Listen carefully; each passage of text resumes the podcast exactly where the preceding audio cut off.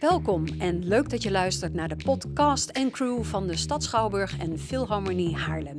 Hier hoor je alles over theater en muziek in Haarlem. Wij zijn Rinske Wels en Micha Windgassen en elke week ontvangen wij verschillende makers. We hebben het over inspiratiebronnen, geheime plannen en succesvolle nieuwe ideeën. Je hoort het hier. Dit is de achtste aflevering van de podcast en crew. Ik ben Rinske Wels, journalist, interviewer en vooral thuis in het theater.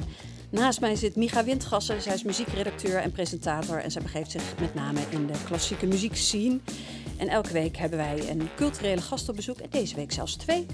Ja, de gast zijn schrijver, acteur en regisseur Geert Lageveen, vooral bekend van zijn voorstellingen bij Orkater, en componist en, en muzikoloog Jan-Pieter Koch. En zij hebben zich samen met het balletorkest gestort op de Bellen en het Corona Base productie. Een vrolijke, grappige en vooral muzikale familievoorstelling waarbij het hele orkest meeswingt en speelt.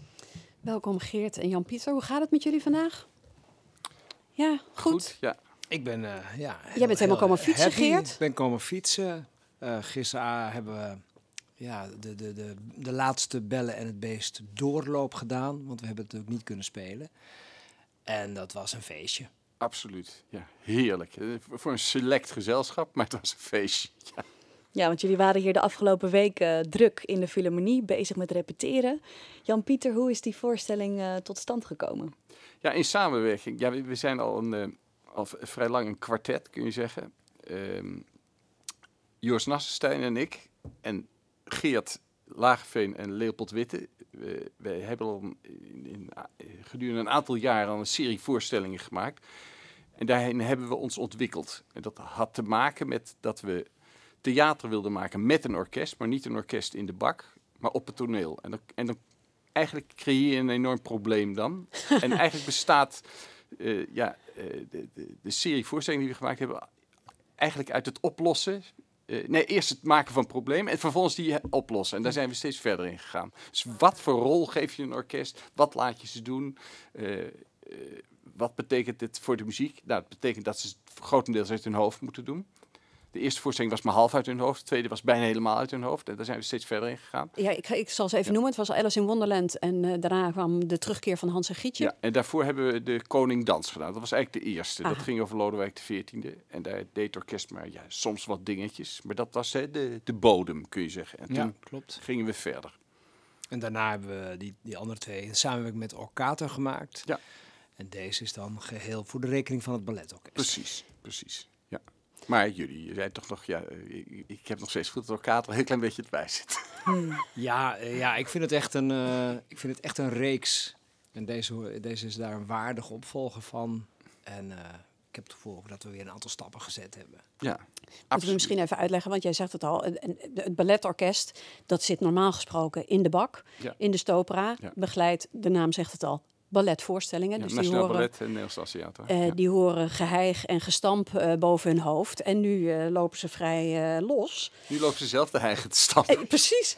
Want ze hebben dus een hele andere rol, toch Geert? Valt het een beetje te regisseren, die muzici? Nou ja, dat is, dat is natuurlijk een, een, een stap die je uh, niet zomaar in één keer neemt. En daar is het balletorkest, uh, ja, die is, daar heel, die, die, die is daar heel ver gevorderd in. Uh, je moet bedenken dat deze mensen enorm uit hun comfortzone getrokken worden. Meestal spelen ze van blad.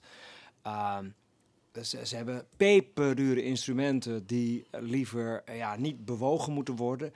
En wij laten ze uh, soms met hele grote fagotten, een contrabas over het toneel lopen. Dus het, je moet wel wat vertrouwen winnen voor mensen daarin mee willen gaan. Maar wat, wat, wat, jij net zegt, dat vertrouwen, dat is zo mooi. Dat zag je nu ook weer bij de repetities. Dat is er. Het, het is opvallend hoe jij iedereen kent ook. Hè, en al hun namen noemt. Ja, je, ja. En ze weten nu wat ze aan hebben. Sterker nog, het kwam van hun kant. Hè. Er was een vraag in de artistieke commissie. Wat zou je nou een keer willen doen? Toen zei ze, nou, we zouden weer net zo'n voorstelling... zoals we ooit gedaan hebben met, met Geert en Joris en uh, Leopold en ik. Ja. Want ik, ik ken uh, violiste uh, Christiane Belt en die zei ook: Dit is voor ons gewoon een soort schoolreisje. Ja. Het is zo ontzettend leuk om te doen, omdat je ja.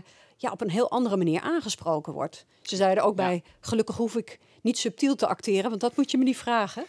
Nee, maar het gaat ook, het gaat ook om, om wat dat orkest als collectief doet. Dus, en dat is in deze voorstelling, ja, Ze spelen, het, eh, ze spelen twee, ze spelen het dorp. Het dorp waarin Belle en haar zusjes wonen. Een vrij burgerlijke gemeenschap.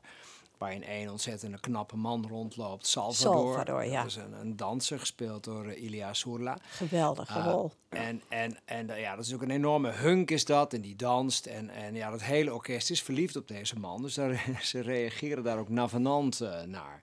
En aan de andere kant spelen ze de wereld van het beest... waarin eh Belle terecht komt. En dan is het eng. En dan laten ze haar schrikken. Ja, een dan hebben ze allemaal horror een, een, een eh, een lichtje aan het eind van hun strijkstok. Dat geeft echt een eh, enorm leuk effect. Ja, Maar het is ook een soort Zo'n strijkstok, strijkstok is 30.000 euro, 60.000 euro. Ja, je weet niet wat voor kapitale dingen dit zijn. hè. Inderdaad, ja. Echt, het- en, en dat ze daar dan een lichtje op willen knippen, dat is, dat is fantastisch.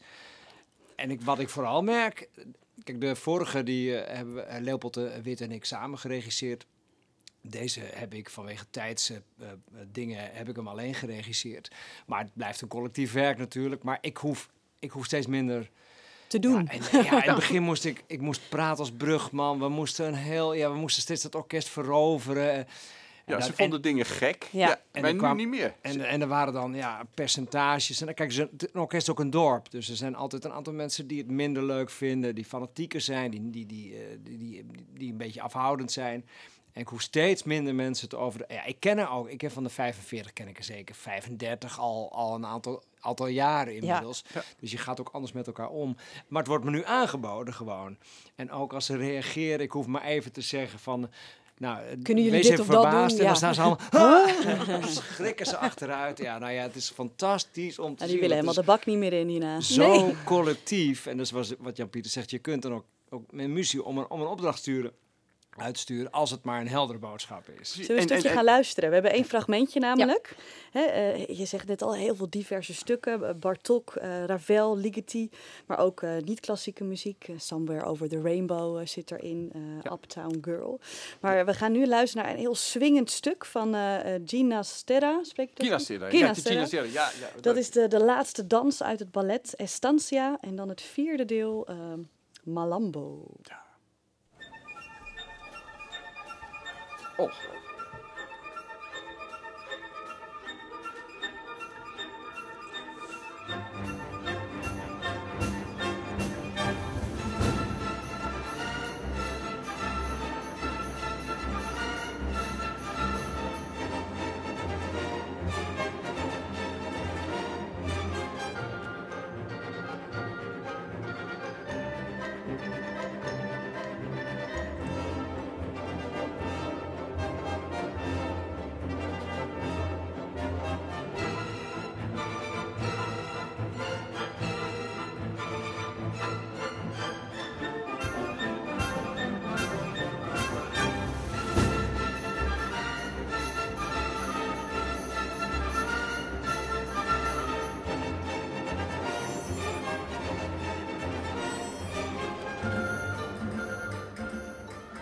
Ja, dit was het, helemaal eh, meebewegen Ja, precies. helemaal Ja, dit helemaal stil onmogelijk om eh, stil te zitten. Dit was Wat het eh, eh. Simon Bolivar Youth Orchestra van Ja, Venezuela met Dudamel. Die spelen het Oh, lekker swingend ook, jongens, inderdaad. jongens. En, en dit is ook in het begin van de voorstelling als eh, Salvador zijn opwachting maakt. eh, en eh, de zusjes van Belle helemaal in katzwijm vallen. Laten we het er even over het verhaal hebben, Geert. Want eh, Leopold heeft het eh, bewerkt. En wat heeft hij ermee gedaan? Want hij heeft het behoorlijk naar het nu gehaald. Ja, nou laat ik even zeggen hoe we, hoe we eigenlijk werken met z'n vieren. En laat ik daar allereerst Joris Nassenstein even Ja. bij, eh, bij, bij noemen. Hij staat volgens mij als creatief producent eh, vernoemd. Maar hij is ook een ongelooflijke belangrijke motor van dit alles, om dit alles mogelijk te maken op allerlei organisatorische, maar ook creatieve gebieden. Eh, en het is eigenlijk altijd zo dat Joris en Jan Pieter komen met een voorstel. Soms zijn het meerdere voorstellen, dan hebben we iets te kiezen. Maar in dit geval was het volgens mij wel bellen en het beest Absoluut. van, willen jullie dat Ja. doen? Ah, nou ja, en dan eh, gaan we, eh, Leopold en ik gaan eh, de bronnen lezen. In dit geval was dat het boek van de persoon. En ik ben zijn naam vergeten. Ik ook. Ja, maar ja. Joris heeft, dat geregeld. nog wat, Die, die, die eerste versie. Is de Ja, bron niet de. Disney dan? Nee. Nee, helemaal niet. Nee, nee, nee. Een Franse versie. Verschrikkelijk dat we dat niet... Barboden, Barboden Villeneuve, de, weet ik Belle la Ja, ja, Bête. eh, zoiets Belle la erg Bête. hoogromantisch eh, verhaal. eh. En- en over, over, over een, een scheepsreder met een aantal dochters die failliet eh, raakt. En eh, dan komt een van zijn dochters in een soort heel vreemd kasteel terecht waar een monster woont. En daar, nou ja, dan praten we daarover. En dan Leopold en ik gaan dan bedenken, wat kunnen we daarvoor, eh wat voor verhaaltje voor bedenken? Wat, zou, wat zijn de elementen die we leuk vinden? Ja, en wij En- hebben vooral gedacht, Joris, Joris Nassenstein en ik, wij, wij, wij zoeken dan altijd een verhaal waar we denken, ja, wat zou een orkest hier, want daar gaat het altijd om, of daar ging het ook eh, altijd eh, Geert en Leopold om. Welke rol heeft het orkest? En, en hier zagen we het heel duidelijk, hier kan het eh, orkest kunnen ieder geval dorpelingen spelen en- spelen. Ja. En later weet ik veel wat... wat eh, En de eh, huishouding van het beest. En, Bijvoorbeeld, maar Ja. vooral ook dat dorp, dat, dat, dat werkt, werkt goed. En dat was eigenlijk de reden waarom we zeiden, volgens mij is bellen leuk. We denken altijd heel erg, Joris en ik denken heel erg vanuit die muzikale kant. En Ja. zij dan uit de dramatische kant. En dan, Dan komt dat zo komt dat samen. bij elkaar. Ja. En jij gaat dan aan de slag met een script. Nou ja, dan, dan gaan wij. In, normaal gesproken Jullie? gaan we dan een treatment maken. Dus dan maken we het verhaal in scènes af. Bedenken wat zijn leuke ontwikkelingen. En wat, kunnen, wat betekent het voor nu? Hm. Dus ja, dat, we, we wouden het sowieso zich in het nu af laten spelen. We vonden een aantal dingen interessant. Uh, dat, die, dat die dochters heel rijk waren. Uh, en dat er een armoedeval komt. Een plotselinge armoedeval. Ja. En die hebben we uh, uh, overgenomen door die zusjes in het begin uh, alleen maar spullen te laten ja, dat bestellen. is echt een en ongelooflijk leuke bestellen en scène al. bestellen. Ja, En dat was weer geïnspireerd door die film van Ken Loach. Sorry We've Missed You. Over de uitbuiting van postbestellers. ja. Dacht, we wouden echt iets met een postbesteller doen. Daar hadden we ook al een tijdje zin in.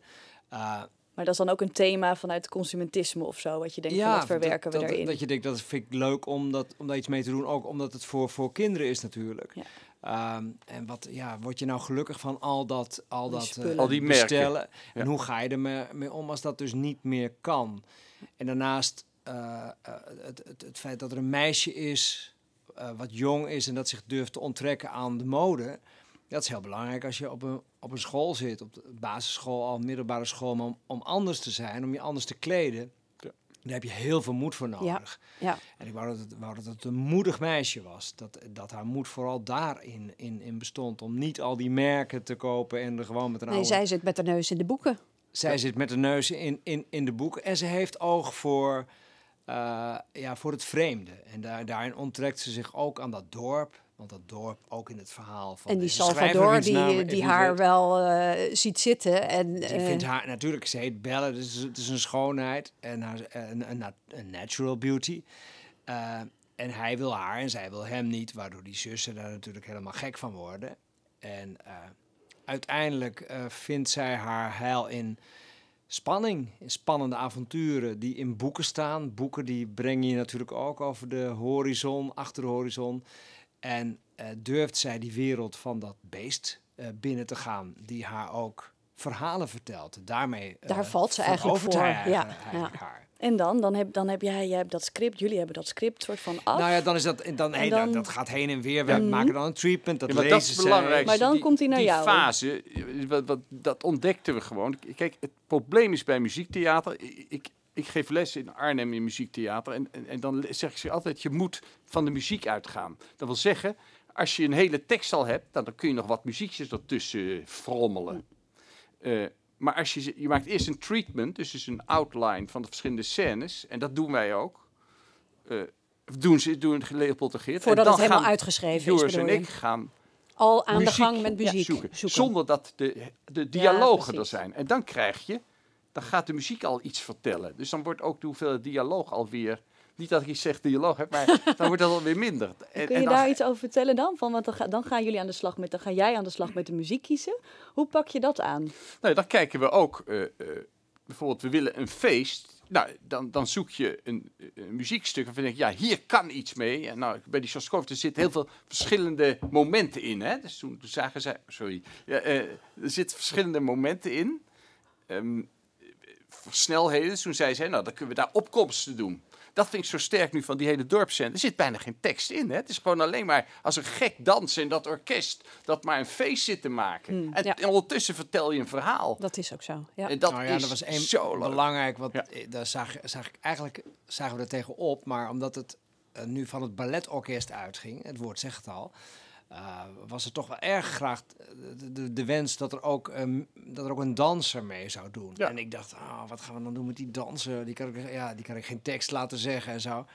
Maar achteraf is dat wel een van de briljante vondsten geweest dat wij daarmee tussen, tussen haakjes uh, opgescheept zaten. Want daardoor, uh, ja, daardoor konden we die muziek ook zonder die tekst, daar konden we scènes mee maken. Precies, want hij danst dan en, en er is die muziek en dan heb je eigenlijk niks nodig verder. En die gekke zusjes, die willen, die willen maar met hem meedansen. Dat is natuurlijk hilarisch, want die kunnen die dat kunnen niet dat echt. helemaal niet, nee. Ondertussen kunnen ze natuurlijk eigenlijk best En wel bellen heel wil niet. Hè? Nee, bellen Nee, zonder maar dat zich kun je allemaal in die Ja, dans uit. Dat, ja. dat, dat was zo leuk. Maar hoe werkt nog even? Ik vind het interessant van hoe Ja. werkt dat dan in, jou, in jouw hoofd? Zeg maar. Je hebt natuurlijk ontzettend, je hebt, je hebt eh, ontzettend veel muziek in je hoofd zitten, waarschijnlijk een soort muzikale encyclopedie. Maar dan, dan zie jij zo'n zo'n scène voor je. Heb je dan al gelijk vaak dat je denkt, oh, dit stuk hoort er goed bij? Of is het meer een soort gevoel Maar, maar of een precies hoe het gaat. Het moet altijd zo zijn dat we een aantal, aantal keuzes hebben. Dus per scène kies ik een aantal stukken. En dan doe ik ook, eh, rangschik ik ze. En dan ga ik ook vaak eerst als u nog met Joris doorheen. En Joris komt ook met dingen. En Joris zegt ook van, nee, dit is helemaal niks. En dan moeten we iets anders vinden. Eh, en, dan, en dat kunnen Geert en uh, Leopold. Dus het zijn hele gekke sessies. En dan komen de sessies. luistersessies. Dan gaan we namelijk... eh, eh, dan, dan gaan Gaat we er een echt fles lang- wijn open en lang- dan, Nou, daar wachten we even mee, want anders dan wordt het luisteren iets te... Nee, dan, dan, dan gaan we gewoon een aantal uren muziek luisteren. Dat Ja. kan ook niet langer dan drie, vier uur. Maar hebben jullie dan een veto? Nee, Nee, nou, het zit, nee, we ja, praten erover. wel. Nee, en waar we ook op letten is, hè, want er zitten ook stukjes in waarbij een kleine bezettingen zijn. Hè. Dus Ja, dat, dat vinden we ook leuk. Dat we, dat we Dat contrast. Het klein. orkest is af en toe Ja. inderdaad in zijn geheel te zien. Of alleen de blazers of eh, een paar strijkers. eh. Ik, eh, drie houtblazers hè, bij die, eh, die- die- dat gekke stuk dat ze alles willen verkopen. Dat ze helemaal in ritme zeggen. Schulhof.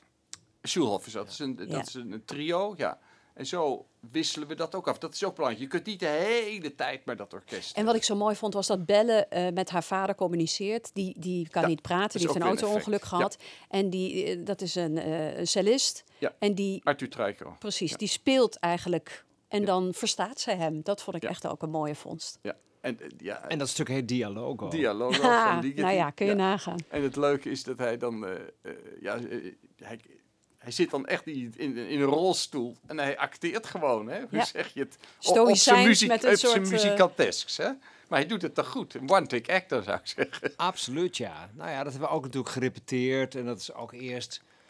Zit, hij zit in een rolstoel, dat is best moeilijk voor hem om die, om die punt neer te zetten. Hij moet ook gereden worden met die cello, die toch Ja. ook, ook twee ton is of zo. Het zijn zulke krankzinnige dingen, die instrumenten. Ehm, maar goed, ook, ook zijn bereidheid was, was, was, was groot om dat te doen. En je vroeg net van, net van, is er een veto? Maar we kiezen alleen maar stukken waar we alle vier enthousiast over zijn. En dat is eigenlijk geen veto, want zo werkt het niet. We- Soms moeten we elkaar overtuigen en meestal zijn we het wel op een Ja, gegeven moment. Ja, of, of het is in één keer raak. Om heftige contrasten natuurlijk. Hè? Die Bartok, dat is echt een heftig contrast met Schulhoff, met Over the Rainbow, met Shostakovich.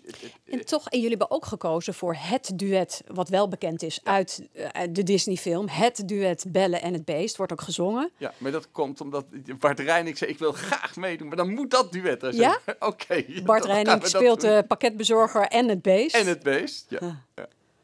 Nou, dat vonden we ook leuk om dat erin te doen. Kom op, ja. Nee, voor mij mag het een eh, nou ja, ik dacht, totale eh, collage ik dacht zijn. voor, voor kinderen is dat natuurlijk eh, Ja. super herkenbaar. Hartstikke herkenbaar. Het is een prachtige song, een briljante compositie. Kom op, ja. ja. Doe je dat er dan altijd in? Probeer je altijd wel iets van herkenning ook eh, in de muziek? Ja, maar, maar dat is interessant wat je zegt.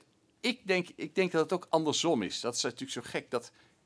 Ik bedoel, wanneer hoort een kind nou Bartok? Maar als je in die scène met dat beest Bartok doet, dan gelooft iedereen Ja. die muziek. Dat vind ik zo leuk. Dat Ja, je, dat je kunt, je kunt zoveel gekke... Ja, we hebben een keer in, in de Hans en Grietje, eh, waar een groep muzici bomen, deden we een stuk van Anton van Webel, een de bewerking van de Koens der Vroege van Bach.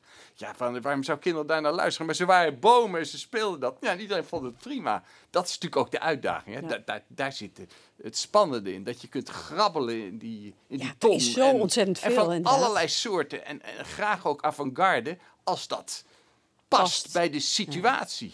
En als dan zo'n Beauty and the Beast, wat een Ja, daar was ik eerst helemaal niet zo heel erg enthousiast over. Ik denk, ja, zo'n Disney-nummer. Maar dat zit inderdaad zo goed in elkaar dat al bij de eerste doorlopen eh, in, in de repetitieruimte. eh, onze, onze Dielke van Rij, de vormgeefster, eh, die zei: Ja, ik moest huilen toen, toen Beauty and the Beast begon. Dus daar zit iets zo wat rechtstreeks Naar je toe gaat, gaat. ja. En, Ja. en, en, en het is toch heel goed gemaakt. Dat Ze kunnen ze wel, die filmcomponisten. hè? Dat, eh, dat Ja, zit er En we wel stoppen in. er nog Ja. een speciaal effect in. Ja, die dat- gaan nog omhoog als het echt... Ja, eh, dat was spectaculair inderdaad. Ja.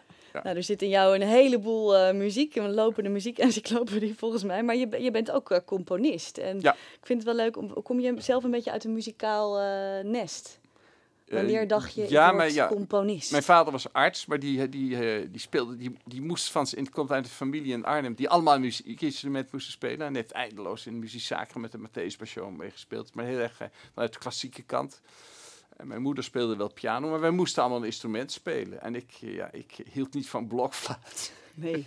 Daar is toch elk kind wel. wel mee begonnen trouwens. Ik ik weet nog ook dat- nog. Je had toen van Dave Barry, had je nummer This Strange Effect on Me. Dat zegt jullie niets, maar jullie, ik, ben een oude zak. Nee, maar- en toen speelde ik op een blokfluit, speelde ik dat. Oh, ja? En toen liep de, die juffrouw die liep weg, zo heb ik haar weggejaagd. Het heeft ook nog in een reclame gezeten, daar ken Ja. ik het van. En I like it. En dan stond hij zo met zijn armen. weet je, Ja, dat was vreselijk. En ik blokfluit. En gitaar toen? spelen. Ja. En toen, ben ik, en toen was ik nog vreselijk lui. En toen zei mijn gitaarleraar, als je nu deze akkoorden de volgende keer leert, dan leer je Yesterday van de Beatles. Dat was mijn eerste singeltje. En daar was ik zo gek van. Dus toen heb ik me toch dus in het zweet gewerkt. En toen kon ik Yesterday spelen. En toen, ja, zo ben ik eh, gitaar gaan spelen. En ontwikkelen. heb ik later gitaarconservatorium gedaan en muziekwetenschap. En Mhm. ik heb later bij Ruud Bos nog eh, compositie gedaan. En later bij Daan Manneke. Dus- En etnomuziek ook. Ja, ik heb Maar dat is grappig, want eh, eh, als jij zegt Ruud Bos en Daan Manneke, dat zijn twee werelden die Ja. misschien, want Ruud Bos is eh, Ja. bijvoorbeeld de componist van eh, Telkens, Telkens Weer. Telkens van- weer. Mooiste En Daan uit de Manneke is Nederlandse- vrij Waanzinnige song. Ja, een goede filmcomponist. Ja, ja, ja, ja. eh, Ja, ik weet, en, en Lloyd Webber, hè, was ik gek van. Ik, ik heb nog zijn tegen Louis Andries gezegd dat ik Lloyd Webber zo goed vond. Hij, sch- hij werd helemaal bleek om zijn neus. Hij schrok zich een ongeluk. Maar eh, ja, ik vind dat ook goed. Maar ik hou ook van ja, hardcore avant-garde. Ik hou van de klerenherrie van eh Janis Xenakis. Daar kun je me voor wakker maken. Dat vind ik geweldig. Maar ik hou ook van die meneer Menken. Dat vind ik ook prachtig. Ja, ik, ik ben een, eh, die zin een, een Breed, breed palet. Ja, ja, En ja. is daar, ehm, ja, is daar een, beetje, een beetje brood mee te verdienen met werk? Of moet je daar creatief Ja, mee nou, ik, omgaan? ja, ik, heb, ik heb veel. Ik, ik heb voor, voor het Zwolse Kameroperahuis heb ik een heel groot project gedaan met amateurs en professionals met Pijn Kladder als regisseur. En dat was een buitenproject, community project, dus met amateurkoor en een groot koperblazensemble, ook amateurs. En dan een grote band met professionals, professionele acteurs. Moest, moest ik echt bakken muziek voor componeren. En dan voor de amateurs vroeger, hè, dus moet je eerder af hebben dan de andere, andere muziek. Maar dat was vreselijk leuk. Maar heb je daar gek. niet iets voor zo'n bellen? Ik, eh, we hebben voor Ja. die scène nog niks. Ik Nee, componeer nog ben- even ja, wat. Ja, ja, ja, nee, maar volgens mij ik- is dat niet goed. Nee? ik- dit, dit is mijn... eh, Oké. Dat doe ik vast nog wel een keer, maar de- die dingen moet je een beetje gescheiden houden. ik heb wel eens voor project. dit... Hè? Ja, we hebben het- ja, ik, ik zit even te denken, want jij componeert toch? Ja, ja, ik Maar- wil best maar- een keer een mooie song schrijven. volgens mij is het wel eens langsgekomen en toen zei je zelf, ik, ja, ik doe het ik, voor deze producties, we doen het altijd zo met gekozen muziek, dan ga ik nu niet zelf... moet je dat in. Nee, en dan krijg je ook. eh, kijk, ja, ik heb. door corona kon mijn, mijn dochter ineens meedoen met het project van het balletorkest. Vond ik doodeng. Eh, eh, eh, Dat want was ja, al heel dichtbij, bedoel Dan je? krijg je het, ja. Want ik weet het wel eens van een andere muzikus, ik zal niet zeggen dat zijn dochter mee kon doen. En die speelde toen heel vals op een klarinet. Nou, dan ga je dan. Maar Dus jouw dochter kan gelukkig heel mooi zingen. Dus Peentje dat, zweten, zweten. Maar, maar het, het orkest was, vond het helemaal te gek. Ja. Maar dat, dat is op een of andere manier, denk ik, ja, misschien doe ik dat nog wel een keer, maar nu nog niet. Prachtige zangeres, jouw dochter. Nou, we gaan een stukje zo. eh, leuk inderdaad, want je, want wij begrepen ook je dochter Noah. Je hebt, je hebt een zoon en een dochter. hè? Ja. Dus ze maken. Ja, ze En ze maken samen, samen muziek. Mijn zoon componeert vooral. Ja. Ja, wat leuk. Is dat, is dat Van thuis ook? dat eh, werd dat ook gestimuleerd inderdaad door jou? Dat je, zij, moesten ze ook op blokfluitles allebei? Eh, nee, nee, nee. eh, hij hij eh, ging voor, naar celloles. en de eerste dag dat hij celloles had, struikelde hij over de cello. Hij was de nee. cello, Cello kapot. kapot. Het was niet zo'n dure cello. Maar Arthur. Voetbal. Ik zal het nooit vergeten. Maar hij is toch lekker op de cello gaan. En, maar hij keek altijd uit met zijn ogen zoals ik gitaar zat te spelen. En toen uiteindelijk ging hij zelf gitaar spelen. Ik mocht hem niks leren. Hij heeft zich alles zelf aangeleerd. Oh, wauw. En uh, nou speelt hij echt goed gitaar en piano Ja, ook. En inderdaad, maken, componeren. Ja. En de laatste voorstelling dus, waar, waar jullie samen, jij dan en je dochter eh, samen aan werkten, dat is eh, de voorstelling Nachtdraven. Ja. Gespeeld in het eh, Transformatorhuis op het Westergasterrein. Wederom met een deel van het balletorkest. Ja, en het de is blazers en de, met de slagwerkers. blazers en de slagwerkers en een deel en de dansers van het, van het IS Van Dance IS, ja. Collective. Ja. We gaan een klein stukje luisteren even. Ehm, een stukje uit het tv-programma Mundo. En dan hoor je harpiste Jet Sprenkels.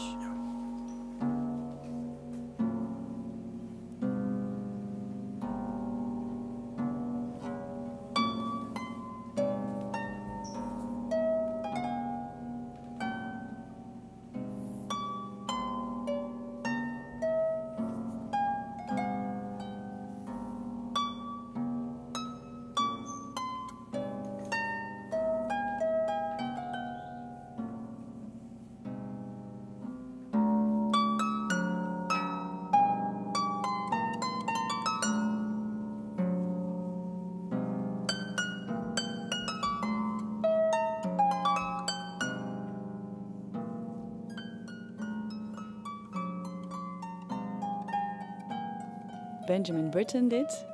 Nocturne. Och. Nocturne. Beetje onheilspellend wel, hè, dit? Ja. Onheimisch gevoel krijg ik er een Ja. beetje bij. Ja. Kun je deze scène eens beschrijven? Weet je dat nog, die Ja, scène? dat was één. Ja, ja, een, een nachtraven ging. Het was gebaseerd op ehm, dat beroemde schilderij van Hopper. Dat, dan zie je dat, dat Nighthawks. café Nighthawks. En er zit één man. man. En dat is gewoon corona Ja. eh, avant la lettre. En daar, daar was eh, Marco Gerres door geïnspireerd. En, en, en we Choreograaf van uh, East soort Dance Collective. Ja, Ja. ja. We zochten bij dat café, als het ware, of die, of die lege straten, zochten we een, een, een, eh, ja, een aantal scènes om de, de, de, ja, de, de paniek, de, de, de, de leegte te maken die er de- de- door corona ontstaan was. Hè? En daar hebben ze een aantal scènes rondgemaakt. Ja, dit was ook een hele eenzame scène van één danser. En we, en we trokken de harp naar voren. En die kwam in het licht en die danser danste om die harp heen. Het was Ja, zo over de grond. Het was ook, Ja, ook een ja. beetje onheimisch eigenlijk. Ja, ja, maar al die mensen waren verloren. Het waren. Nighthawks. En, eh, en ze zochten elkaar en ze zochten een nieuwe manier van contact. Hè, wat je door corona ineens hebt. Hoe kun je contact maken? En, en er zaten momenten van hoop in. En ook momenten dat mensen totaal leeg waren. Eh, Dat was het idee. En dat in een club, dat was zo leuk, in een clubachtige sfeer met honderd tafeltjes. En, of honderd, nee, voor honderd mensen en dan Ja, aan precies. En dat was dan meteen heel goed coronaproof natuurlijk. Precies, ja. En eh, met alleen de blaas was ook zo leuk. Je moest ineens andere repertoires zien te vinden. En de harp dus. En slagwerkers. En dat was prachtig, ja. Maar dat was echt puur door de corona. Eh, omdat Joris ook zei, die heeft... eh, ik heb een groep mensen, dat heet bij elkaar... Of, of ik. eh, Joris heeft een groep mensen, die heet eh, de Orkestkeuken. En dat zijn een paar mensen die regelmatig bij elkaar komen om projecten te doen. En hij riep ons bij elkaar en zei, er is nu een kans. Laten we iets Let's bedenken. Ja. En Piet van Gennep van het balletorkest, want die zegt ook, het Nationaal Ballet deed helemaal niks. Die dacht, ja, wat moeten we nu? Dus zeiden we, gaan we dit doen? Nou, dat was... En hoe heb jij dan uiteindelijk jouw dochter daar nog bij betrokken? Ja, dat heb ik niet gedaan. Nou moet je mijn dochter hebben. Ja, zei ik, ja, nou moet je horen. Ja, nou moet je mijn Ik dochter iemand, hebben. ja. Helemaal niet. Hoe is dat nee, dan gekomen? Nee, nee eh, mijn dochter had iets gepost op Facebook. En Marco Gerris, die zei, verdomme man, jou. Je kan zingen. Ja, nou, jezus, zit niet lekker. Daar wil ik mee werken. En, toen zei Joris, hé, hey, dat moet je dus doen. Dus, eh, en, toen, en toen bleek ze in die, ze is een, eh, een zangeres in het stuk die de hoofdpersoon toezingt. En uiteindelijk ook meezingt, meetrekt. Eh, ze deed drie songs met een DJ en het orkest. Dat was echt heel leuk. Ja, zo is dat gekomen. Maar dan blijft het natuurlijk eng. Gaat ze het redden? Maar ze deed het echt hartstikke Trotse papa. ja, ja, trots papa, zeker. Mooi. Eh, Geert, jij komt uit eh, Drachten. Uit wat voor gezin kom Daar kan jij? ik ook niks aan doen. Nee, dat neem ik je ook helemaal niet kwalijk. Maar werd daar een beetje aan cultuur gedaan? Nou, ik, ik, ik, ik, ik, ik, ik hoop dat deze podcast niet in, eh, in, in Friesland beluisterd wordt. Dus, eh, ik, ik heb wel eens in interviews heb ik wel eens gezegd dat er in ons, in ons eh, gezin eh, heel weinig aan cultuur gedaan werd. Eh, En daar, toen kreeg ik wel mijn zus over me heen. Maar eh, ja, we hadden een, een boekenplankje en dat was denk ik eh, nou 50 Je wijst centimeter. ongeveer inderdaad En- een, kleine en meter daar aan. was Toon Kortooms was denk ik het, het meest literaire werk wat daar stond. Ah, er was tot in de verste verte niet een fluitspelende oom of een, of een, of een, of een eh, trompet of een bugelspelende. eh, Geen harmonie of... eh, Dus, dus er was eigenlijk er, er was heel weinig cultuur bij mij thuis. En ehm, ja, ik heb, ik heb op een gegeven moment een, een vriend gekregen op de middelbare school in de brugklas, Jules Noyons. En zijn vader was acteur en, en dat vond ik fascinerend. En ik wilde altijd al, ik wilde wel, ik wilde heel, wilde heel graag in de belangstelling staan van heel veel mensen. Dus toen bedacht ik dat ik nieuwslezer wilde worden. Toen was ik 12 jaar. Dat leek mij dan de beste manier om dat te doen. En toen kwam ik erachter dat er zoiets bestond als het beroep van acteur. Toen dacht ik, oh, maar wacht eens even. Dat is een veel slimmer iets eigenlijk. En toen ben ik vanaf mijn veertiende heb ik besloten om acteur te worden. oh joh, zo vroeg al. Ja. En, en was er dan wel een soort plaatselijke eh, toneelvereniging waar je bij kon? Of was het gewoon de schoolmusical? Nou, voor, eh, allereerst was het, het het schooltoneel wat altijd in de handen was van een bepaalde leraar die dan eh één stuk ging regisseren. Dat hebben wij overgenomen. Jules, mijn vriend, die is ook later regisseur geworden. Die nam dat, eh, die ging dat gewoon overnemen en ik speelde altijd de hoofdrol. Dat was een eh, hele duidelijke gentleman's combinatie. agreement. Ja. Dus de- en dat speelden we dan één keer in de De Lawei, het plaatselijke theater in Drachten. Drachten, ja. Hadden we de schoolavond. Het bestaat nog steeds. Inderdaad. Zeker. Ja. Ja. En daarbuiten ben ik ook nog bij een echte amateurgezelschap gaan spelen in, in Drachten. Eh, En dat was het een stuk kleren maken de man. Dat was gewoon, gewoon echt een klucht. Maar ook, ja, ik, wilde, ik deed alles om eh, acteur te En worden. eh, daarna ben je naar de toneelschool gegaan. Toen werd je naar meteen, Amsterdam aan, gegaan. werd je Op meteen mijn aangenomen? 17e heb ik eens een, een, een oriëntatiecursus gedaan. En toen kwam ik erachter dat ik veel te jong was. Dat dat niet zou worden. En mijn, mijn ouders zagen het ook helemaal niet zitten. Dus ben ik Nederlands gaan studeren, maar al wel in Amsterdam. Want ik dacht, ik ga dat sowieso... Ja, ik Ik wil ga dat- niet meer terug naar Drachten. Nou, iedereen gaat naar Groningen. Als je uit Drachten, Ja, dan ga je Groningen studeren. Dus de hele school ging naar Groningen. En ik ging met Jules samen naar eh, Amsterdam.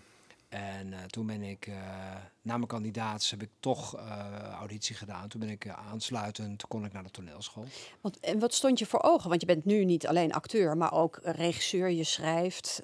Ja, Het hele palet. ja nou ja, ik, het was op school was het al, eh, in, in mijn tijd was, keek je eigenlijk als je op school was, keek je een beetje neer op het vak van acteur. Dat vonden we eigenlijk maar stom. Je moest eigenlijk, ja, je moest iets betekenen in de maatschappij. Je moest een soort kunstenaar zijn en je moest iets te vertellen hebben. Dus je moest eigenlijk een eigen groep hebben. Dus in mijn tijd werden er allemaal groepen opgericht. Je had bijvoorbeeld De Zaak, dat was een groep waar Leopold in zat. Je had Mug met de Gouden Tand, dat Ja, was bestaat één- nog steeds. één klas boven mij. Lineke Rijksman. En, En eh, Marcel Muster zat ja. in mijn klas. En toen heb ik een eigen groep opgericht, heette Illyrië. En dat, die maakte muziektheater. En ik wist al vanaf de tweede klas van de toneelschool dat ik muziektheater wilde maken. Eh, en dat, dat, dat ben ik eigenlijk altijd blijven doen op Je speelt school. ook een instrument, Geert? Ik heb toen een eh, trombone gekocht. Ja, zie je. en eh, Ook nog. toen ben ik trombone les gaan nemen en heb ik dat een beetje gespeeld in die voorstellingen.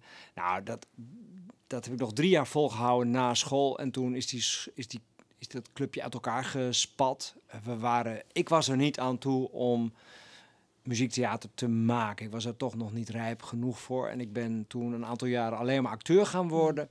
Gaan, eh, mij als acteur gaan... en, nou, toen kreeg ik allemaal filmrollen en tv-series. En dat ging heel goed. Totdat ik op een gegeven moment... ja, ook het een beetje voelde kriebelen. En toen ontmoette ik Leopold. Ja, en toen zijn wij op een gegeven moment bij elkaar een voorstelling gaan maken. Konijn van Holland. heb ik gezien. Ja, met Beppe. Costa. Eh, Dat was Ongelooflijk. muziektheater. Ja. Eh, Zeker, dat was een idee waar ik al lang mee rondliep. En Leopold, eh, ja, in, in een treinreis heb ik hem dat verhaal verteld. Zullen we dat samen gaan maken?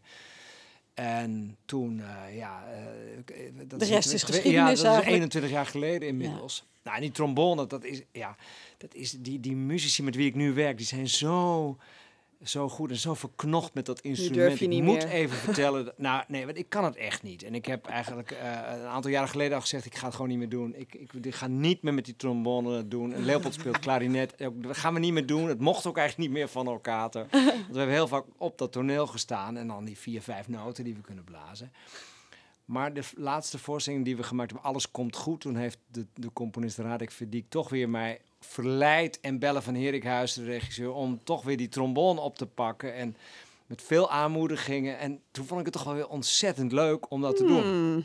En toen werd er zelfs bij elkaar gezegd... Geert, we hebben je nog nooit zo goed trombone horen spelen. Nou, ik hoor nog mogelijkheden. Ik wil eigenlijk even gaan luisteren naar eh, de trailer van eh, een voorstelling die jij met Leopold Witte hebt eh, gemaakt. 237 redenen om door te gaan. Et je voudrais pouvoir un jour enfin te le dire. Ik was negen toen ik mijn eerste testament schreef. You are the one for me, for me, for me formidable. But how can you... Het gaat ophouden. En hoe gaan we daarmee om? Nous vivions tous les deux ensemble, toi qui m'aimais, moi qui t'aimais. Mais la vie sépare ceux qui s'aiment tout doucement, sans faire de bruit. Ja, mooie Franse muziek eh, zat daarin. ja. Wat is de chemie tussen jou en Leopold? Want die werkt dus al 21 jaar. Ja, als ik, dat ga, als ik dat ga uitleggen, ik weet het niet. En als ik het, als ik het wel zou weten, zou ik het niet vertellen. Dat is ook een beetje ons geheim. Hm. Uh, waarom dat al... Nou ja, dat... dat, ik weet, Jullie ik zitten op, eh, weet samen op een bepaald level of zo. Begrijpen jullie elkaar heel goed? Nou, we, we moeten... We hebben het gevoel dat als we samenwerken, dat het altijd meer is dan de som der delen. Dus 2, 1 plus 1 is 3. En als het niet 1 plus 1 3 is, dan moet je het, dan moet je het niet doen. Uh, en we vinden het leuk om samen te werken, maar we worden ook door elkaar uitgedaagd uh, en geïnspireerd. En het, het, het wordt er altijd beter op. En we zijn kritisch naar elkaar, dus dat is ook niet altijd leuk natuurlijk. En als, als je zo'n duo bent, wat al zo lang, uh, wat er zo lang bestaat, dan heb je natuurlijk ook wel dat het soms, soms kleine fricties heeft of zo. Maar dat is ook heel erg deel van het artistieke uh, ja, dat proces. Sterk, natuurlijk. En, en Maar jullie hebben ook genoeg, is het ontzettend leuk. En, genoeg en, uitstapjes. Ik bedoel, uh, Leopold is ook een, uh, een verleider, Ja. een van de verleiders, ja, om nee, maar wat te noemen. En jij hebt ook je eigen projecten. Jij regisseert bijvoorbeeld Veldhuis en Camper. Dan ben je ook weer even weg van Leopold. Zeker, ze- en dat is ook zeker belangrijk dat we dat doen. En het is ook het soort inleveren van je ego. Dat, het- het gaat er niet om wie het beste idee heeft, maar dat het beste idee eh, naar voren komt. En dat is, ja, ik denk dat dat het geheim is. En dat heeft ons veel gebracht. En, en ook omdat we wel echt nieuwe afslagen steeds gemaakt hebben. We zijn begonnen met muziektheatervoorstelling bij Orkater. Vanuit historische onderwerpen. Uh, die, deze grote uh, familievoorstellingen die we met, met, met Jan-Pieter en Joris gemaakt hebben, dat is een heel ander segment. En wat je nu net hoorde, die 237 redenen om, om door te gaan en die daarvoor 237 redenen voor seks, dat zijn echt hele persoonlijke voorstellingen met hele persoonlijke verhalen die ja, te, altijd tegen een randje van gênant aanschuren, maar die, uh, en, en, en die heel, heel simpel zijn. En muziek is wel altijd voor mij het centrale, uh, Vertrekpunt. centrale ver vertrekpunt. Ik, Ja, ik, ik, ja. ik, ik, heb, ik, ik, ik geloof niet dat ik ooit een voorstelling gemaakt heb Waar geen muziek in niet heel belangrijk Ah, ja. was. En met wie dat is, ik heb trouwens ook met Ruud Bossen een musical gemaakt. Ja, die man is hartstikke oud, maar die maakte gewoon... Maar wat werkte als, een, componist. die- als een een geweldige super- eh, componist. En, Ja. ja. ja. Ja. Ehm, jij hebt ook een heel cultureel eh, gezin. Jouw vrouw, Bodil de la Parra, is eh, toneelschrijfster en ook actrice. Ehm, jij hebt een, een dochter die volgens mij enorm van fotograferen houdt. En een zoon in ieder geval die helemaal eh, eh, de rapkant op is gegaan. Go to gym. Ja, Fijne expliciete teksten maakt hij. ja dat, dat, dat, eh, dat kun je wel zeggen, ja. Ja, die, ja dat, dat, dat, nou ja, daar heeft hij ons niet in betrokken, hè? dat snap je wel. en daar heeft, eh, zeker in het begin met die eerste nummers, was vooral zijn moeder, eh, ja, ja, die had Ayla, die, die, vond- die vond het vrouw onvriendelijk en eh, daar had ze zeker een punt. Luistert hij dan naar haar? Ja, hij luistert wel, maar hij is ook. Ja, je moet ook bedenken dat eh, toen de Rolling Stones begonnen, ze ook niet aan hun vader vroegen: wat vind je eigenlijk van al die teksten, pap? Eh, het Under moet- my thumb, hè? Het dat moet ook wel, eh, ja, hij, elke generatie verzet zich weer tegen de vorige. En dan zijn wij dan van die hele culturele ouders misschien. Maar hij vindt heus alweer iets om ons eh, tegen onze enkels te trappen. Maar het is ook een hele slimme, leuke jongen. Die ook, eh, hij, hij ontwikkelt zich heus wel. En dat er iets provocatiefs bij zit. Dat hoort Ja, ook wel een beetje bij het genre. beetje Bij bij. rap. Ja. Ja. ik denk het wel, ja. Ja, ik las in een interview dat hij het niet altijd even leuk vond dat jullie eh, zo vaak weg waren, met name. En dat, eh, dat er steeds maar een andere oppas kwam. die, eh, Oh, gaan we dit krijgen? Ja. Eh, ja, maar ik kan me voorstellen, in zo'n eh, theaterhuwelijk, ja, de een heeft een project, de ander heeft een project. Je hebt het niet altijd voor het uitkiezen dat Ja. dat na elkaar is, zal ik Nou maar ja, zeggen. we, ja, en ik hebben het wel heel goed samen gedaan in de zin dat we volledig eh, allebei de helft van, de- van de opvoeding eh, op, ons, op, ons, op ons genomen hebben. En dat altijd wel keurig verdeeld hebben. En soms waren de perioden, ja, dan heb je twee weken dat je denkt, oh, hoe gaan we dit doen? En dan is inderdaad de ene oppas los, de andere af. Maar verder moet hij niet zeuren. Echt een super leven dat moet hij nu allemaal van zich afreppen, Geert. Nou, ze zijn er goed terechtgekomen. De kinderen hebben altijd wel iets te zeuren. Ja, maar dat moet ook, bij. toch? Had ik ook. Ja. Kom op, ja. We hebben jullie ook eh, gevraagd om na te denken over een eh, cultuurtip. Iets dat, eh, dat er aankomt of iets dat nu te zien is, wat, je, wat jullie wel willen delen met de luisteraars van deze podcast. Jan-Pieter, Ja, dat is een go- een goeie. Ehm, ik eh, doe, ja, sinds corona doe ik regelmatig voor het vrijdagavondconcert van de Avrotros dingen. En willen nu in mei, 14 mei, s'avonds, een vrijdagavondconcert, doen we een project rond het Songfestival. Het Songfestival heeft een enorme geschiedenis. Hè? Dus je hebt een enorm repertoire. Maar het leuke is dat er vroeger altijd orkesten bij zaten. Ik weet niet of jullie die beelden nog kennen. Dat er Ja. altijd een, steeds een van die Zeker. dirigent gewisseld werd. Die zette dan zijn koptelefoon op en die Zijn eigen muziek ja. weer. ja, Ja, Dick spelen. Bakker, weet ik die- Dick Bakker inderdaad. Ja, die eh, dingen doorschreef, ja. Nou, en die orkesten zijn verdwenen. Die zie je helemaal niet meer. Volgens mij zijn ze überhaupt nu nog niet meer. Vroeger nog bij Etsia Romley, bij Hemel en Aarde, zat het orkest achter een groot gordijn, ergens verstopt. Maar bij Cliff Richard zag je ze in mooie bankjes. Bij Power to All Our Friends zag je ze in bankjes achter hem zitten. Nou, wij gaan dus een project doen met het balletorkest, dat is zo leuk. En een combo. En allemaal jonge solisten. Doen we een eh, avondconcert helemaal gewijd aan het Songfestival. Aan die orkestrale dingen. Gearrangeerd door Bob Zimmerman en eh, Job Greuter. En welke liedjes gaan we horen? Ja, wat gaan we horen? Nou, eh, natuurlijk Poupée de Cire, Poupée de Son, Frans. Cire, Eh, ja, prachtig van de Serge Gainsbourg. Aha.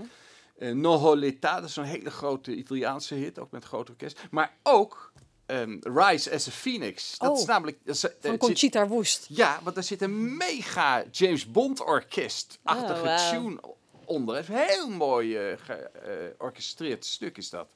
We doen ook Birds, maar dan alleen met strijkers. Van Dingedong, dingedong. Dingedong. Oh, yes. En de zo troubadour. Dat Oh, van Lenny Koer. En Hemel en Aarde, dat is echt een soulkraker. Ja. Nou, dit wordt te gek. Wanneer? Wanneer kunnen we dit 14 luisteren? mei, hè? 14 mei. En dat is eh, op de radio. En er is een, wordt een webcast tegelijkertijd eh, van gemaakt. En die kun je, kunt het dus ook zien. Superleuk. Ja. Geert, wat wil jij met ons delen? Ja, ik was, ik was in maart 2019 was ik in eh, Gent, omdat eh, eh, onze voorstelling 237 reden om door te gaan eh, daar gespeeld werd. Er zijn namelijk twee eh, Vlaamse acteurs die die twee voorstellingen over seks en door te gaan, eh, eh, die hebben onze teksten gewoon overgenomen Oh, en grappig. gedaan alsof het hun leven was. Oeh, en nou. dat was met, met onze toestemming. Dat Oh, vonden we ontzettend leuk natuurlijk. En eh, toen speelden ze in Gent, dus toen gingen wij kijken. En toen zijn we de dag daarna, eh, ben ik het Lam Gods gaan bekijken van Jan van Eyck. En dat is werkelijk fantastisch. Dat is zo'n ongelooflijk mooie schilderij. Ik denk dat dat een van de grootste schilderijen van de wereld en zeker van België is. En een van die panelen van het Lam Gods, dat is ooit gestolen geweest. En toen eh, kwam ik er een paar weken geleden achter dat er een podcast daarover gemaakt is. Dat heet De Vlaamse Kunstroof. En dat, dat, ja, dat paneel dat is gestolen.